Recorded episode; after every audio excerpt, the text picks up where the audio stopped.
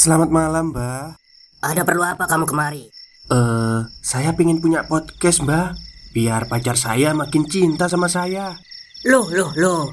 Mau bikin podcast kok tanya dukun? Sekarang kamu download aplikasi Anchor.fm. Di situ kamu bisa buat podcast gratis dan podcast kamu bisa didistribusikan ke platform mana pun. Dan di aplikasi atau website Anchor.fm juga terdapat fitur-fitur yang memudahkan kamu untuk membuat podcast. Oh, gitu ya, Mbak.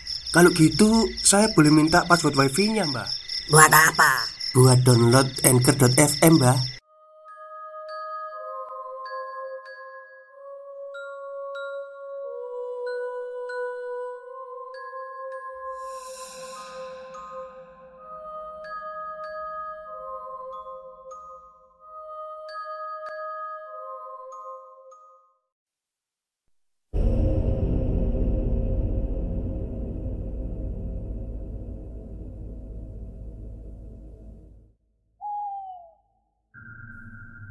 Assalamualaikum warahmatullahi wabarakatuh. Halo semuanya Jumpa lagi dengan saya Chow Sing Sing Kurator dari podcast Horror Night Story.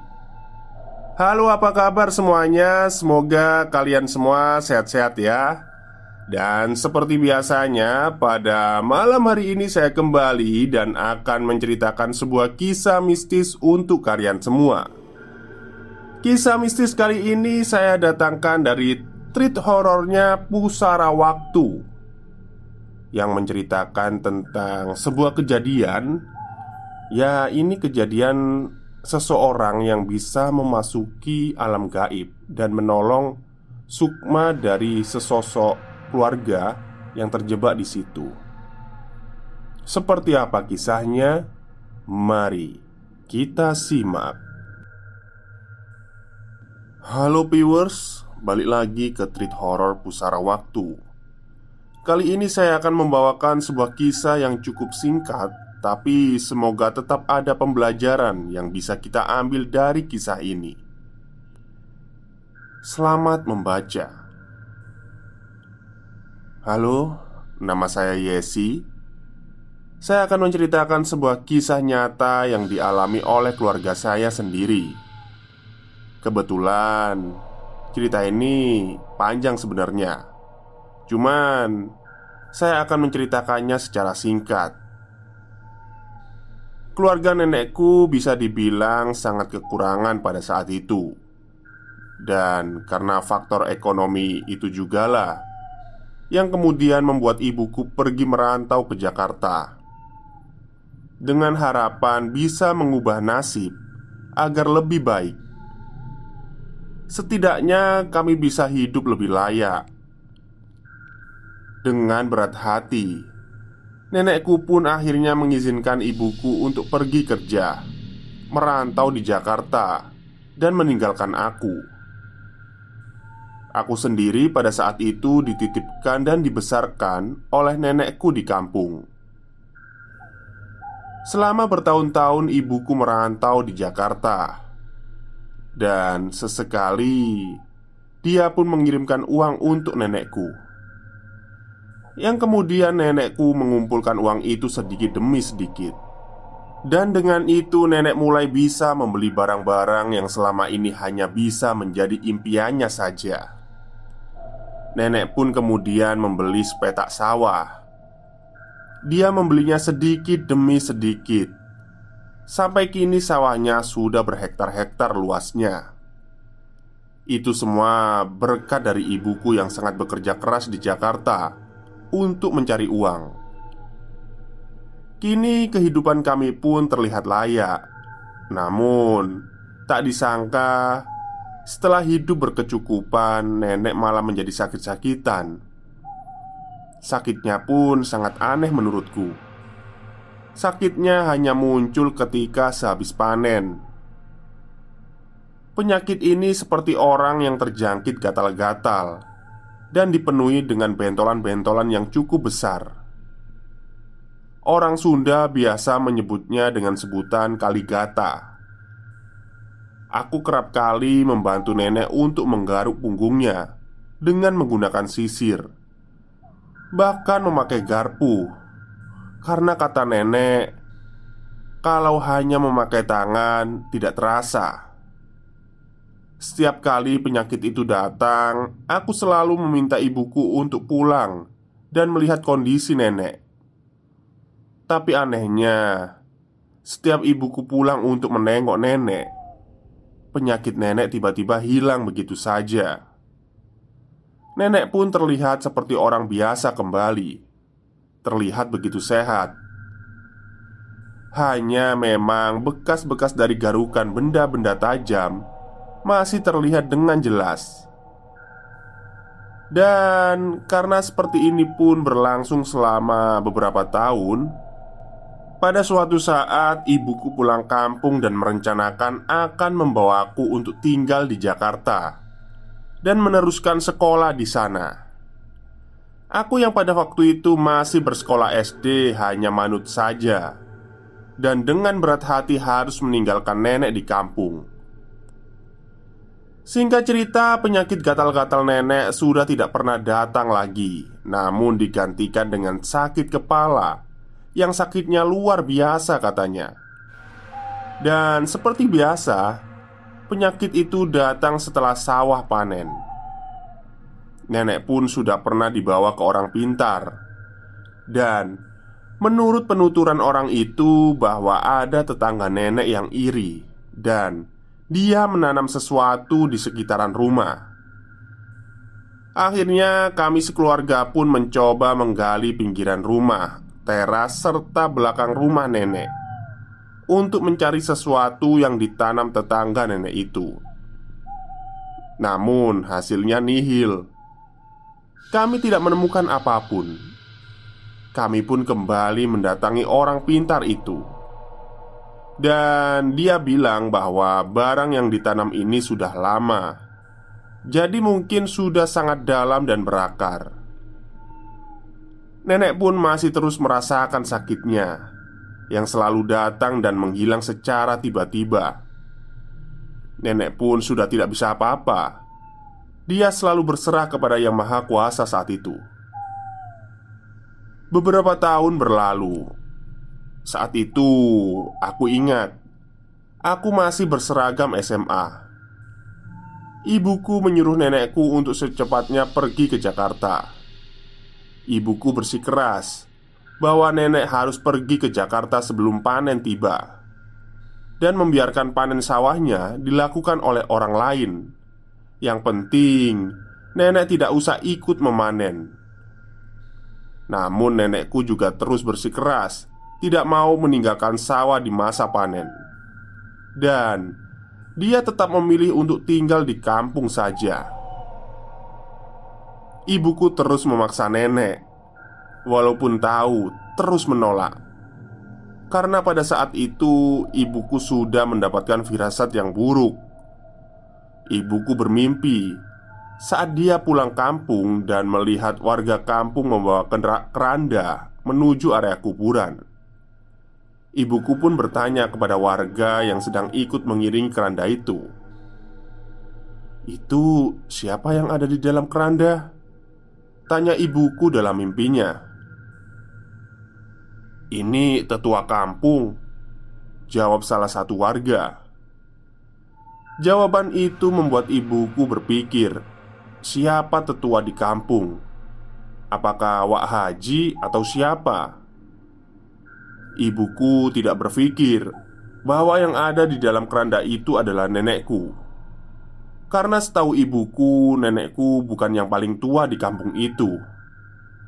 Tapi tetap saja, ibuku menganggap ini sebagai sebuah pertanda. Aku ingat, hari itu adalah hari Senin.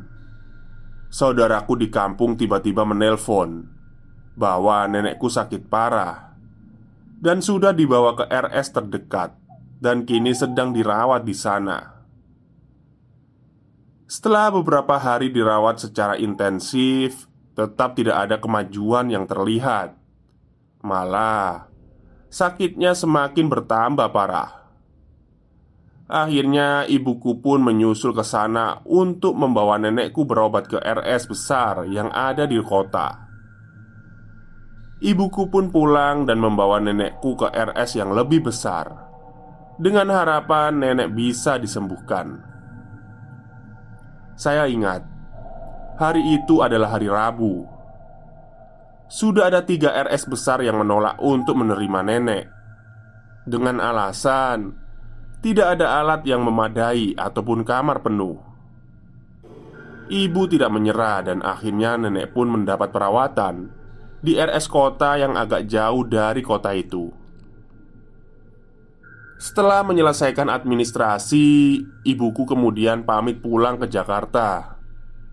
Karena posisi waktu itu ibu juga membawa serta-merta adik-adikku yang masih sekolah.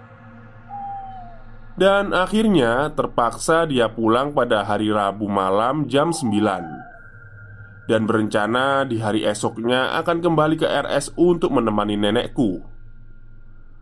Tiba-tiba, telepon rumah berdering. Aku lihat saat itu jam menunjukkan pukul 3 pagi, dan ibuku masih belum sampai rumah juga. Stop, stop, kita break sebentar. Jadi, gimana? Kalian pengen punya podcast seperti saya?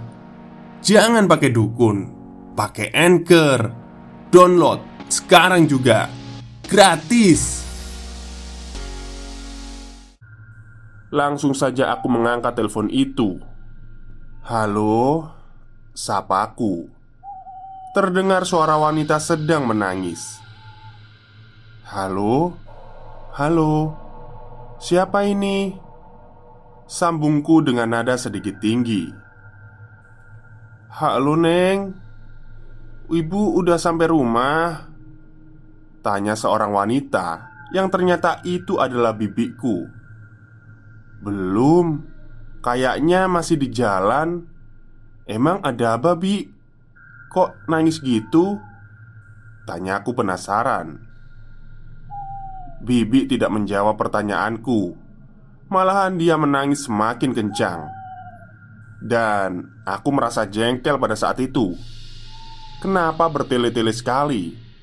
Membuat orang penasaran saja pikirku dalam hati Nenek meninggal, Neng Jawab bibiku disertai tangisan yang kencang Aku sontak terkaget tidak percaya mendengarnya Aku pun langsung menangis sejadi-jadinya Singkat cerita, Aku sekeluarga pun pulang kampung untuk menyiapkan pemakaman dan tahlilan untuk almarhumah nenekku.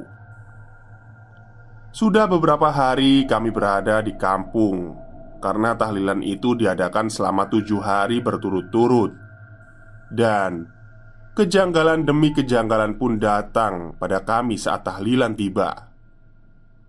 Ibuku semakin curiga dengan kematian nenekku yang begitu janggal saat ibuku begitu terpukul kehilangan nenekku.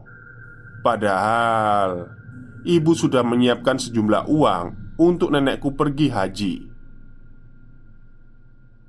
Namun sayangnya, aja lebih dulu menjemputnya. Malam kedua tahlilan, ibuku sengaja memanggil orang pintar untuk berjaga.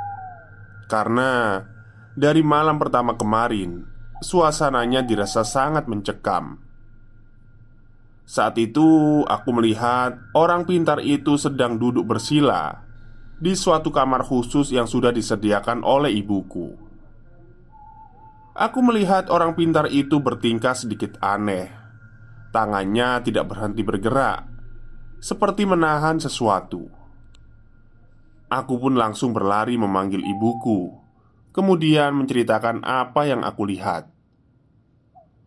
Tidak lama kemudian terdengar suara wanita yang berteriak Terbang melayang di pinggiran rumah Sebagian dari bapak-bapak yang melihatnya Langsung mengejar sosok itu Sosok wanita terbang itu berbaju merah Namun Mereka tidak berhasil menangkap sosok tersebut Keesokan harinya Si orang pintar itu kemudian bercerita bahwa semalam dia bertengkar dengan sesosok jin wanita.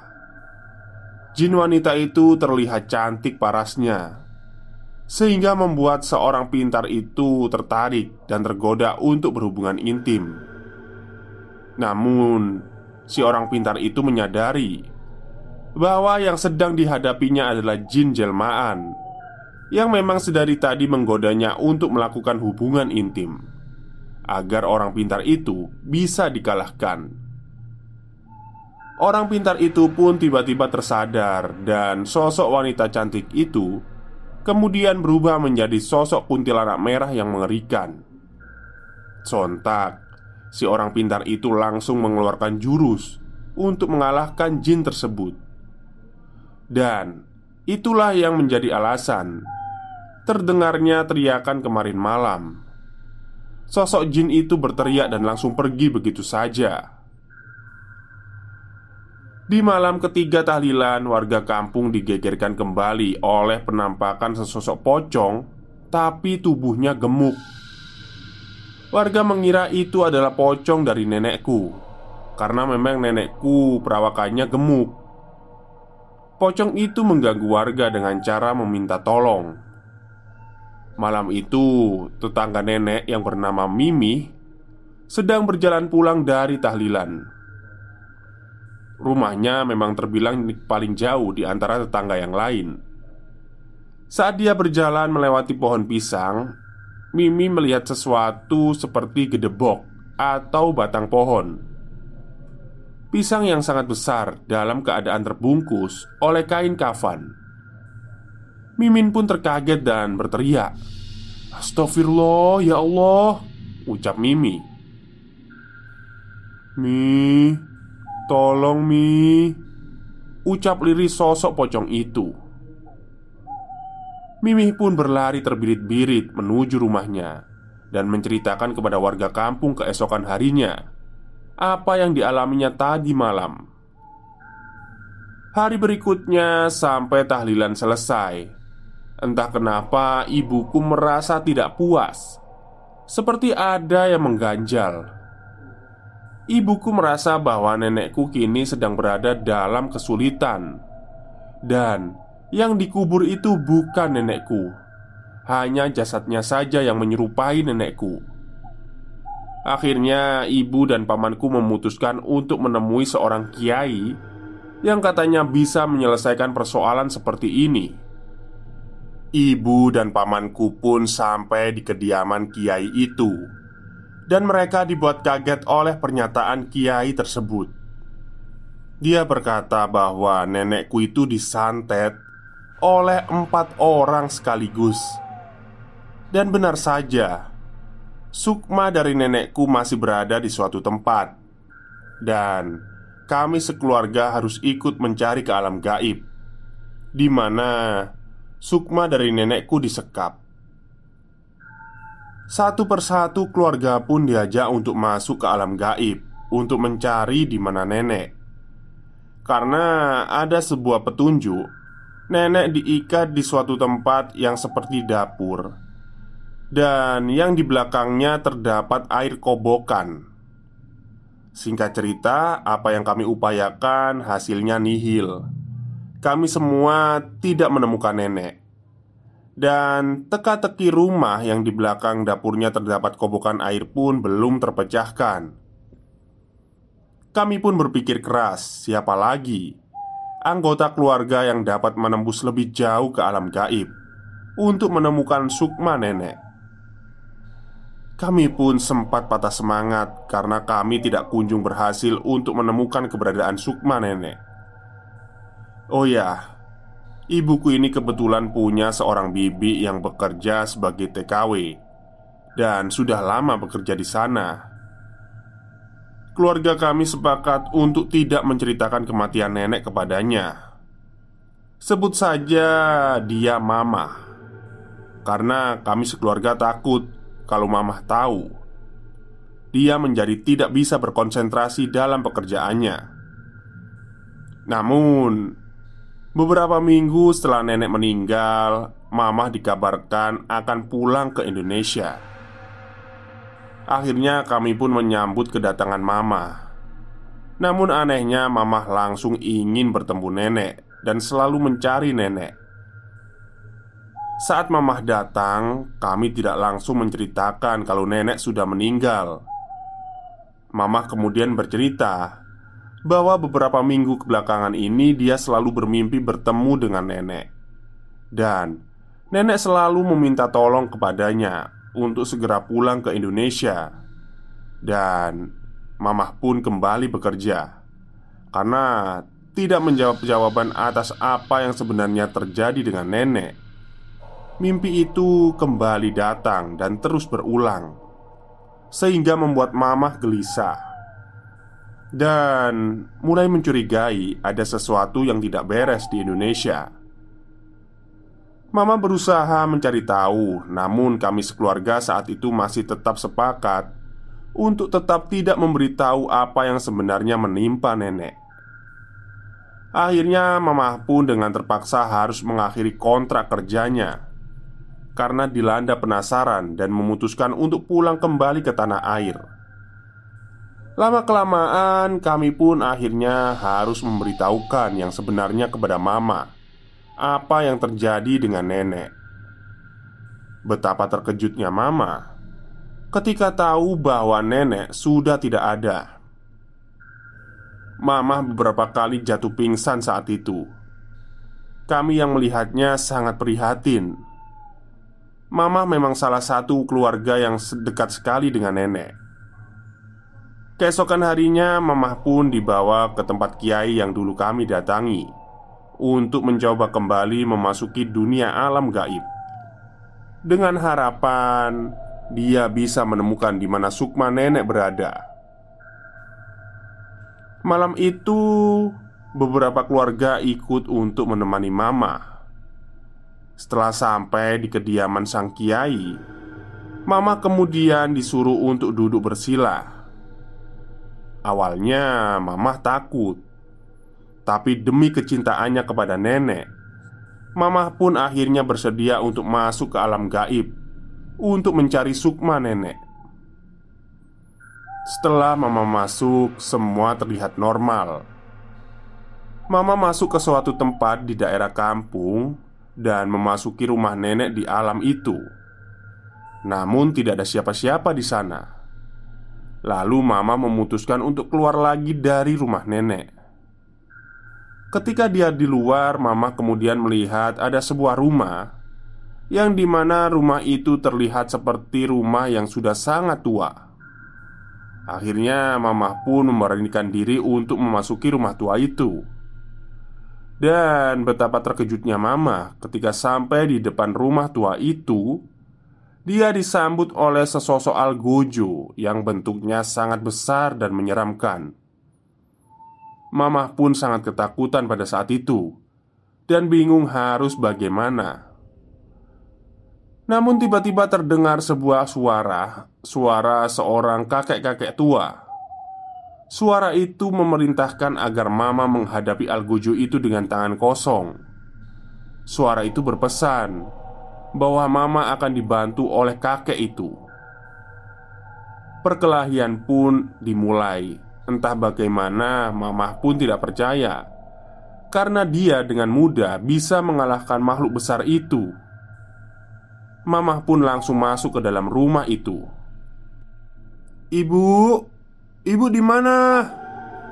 Teriak mama memanggil nenek disertai isak tangis. Mama pun berjalan ke arah dapur. Di sana dia melihat nenek yang sedang dalam keadaan terikat pada sebuah batang pohon pisang yang dijaga lagi oleh sesosok makhluk tinggi berbadan berbulu dan bertaring serta matanya merah menyala. Dia berada di samping nenek Mama saat itu sempat berputus asa karena merasa bahwa tenaganya sudah habis dan terasa sangat lelah setelah perkelahian melawan Algojo penjaga pintu tadi.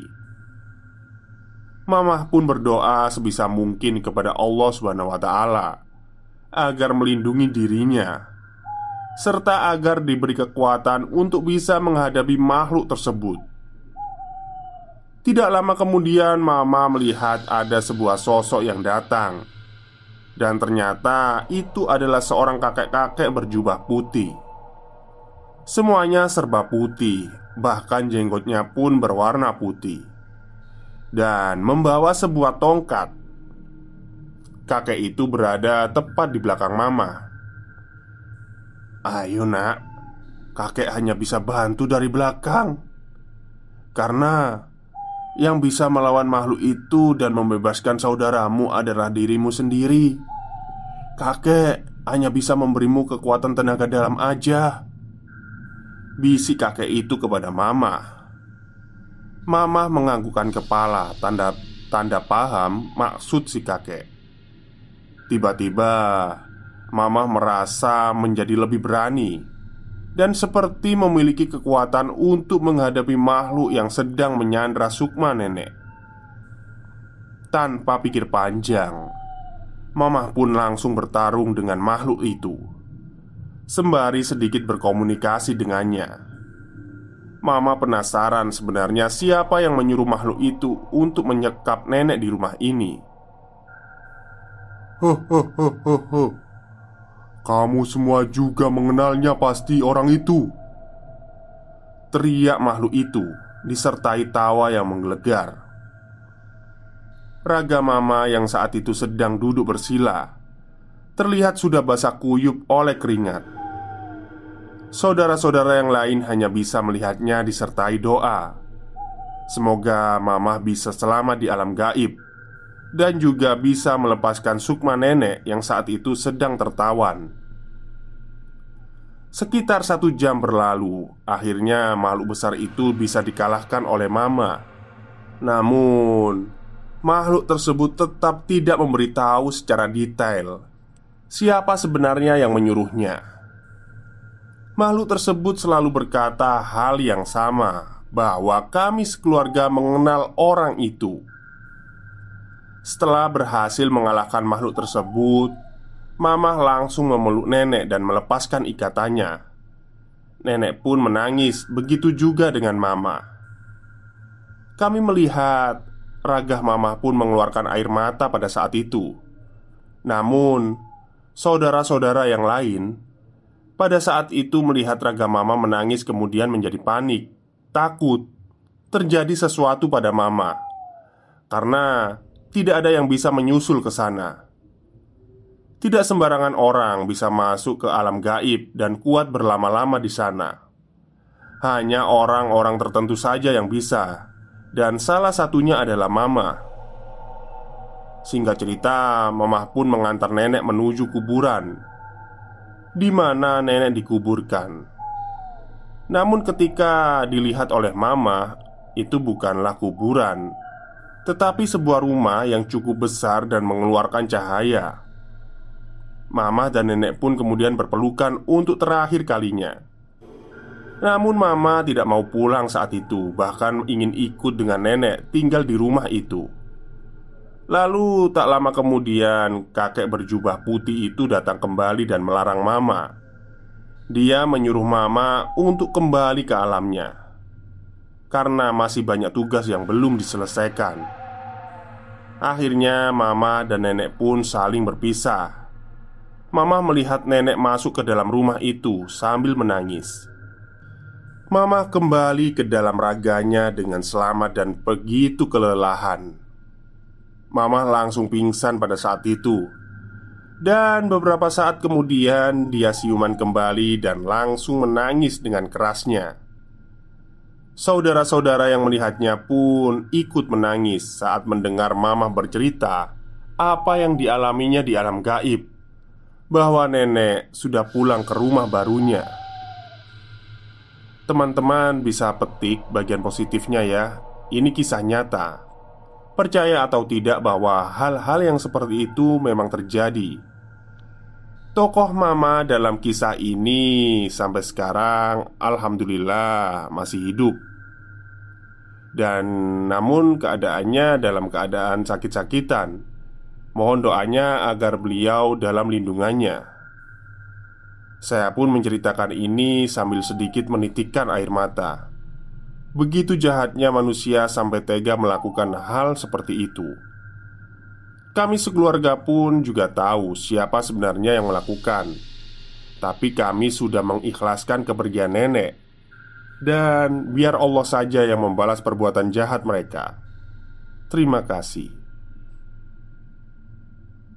Oke, terima kasih kepada Pusara Waktu yang sudah mengizinkan treat horornya untuk saya bacakan di channel saya ya.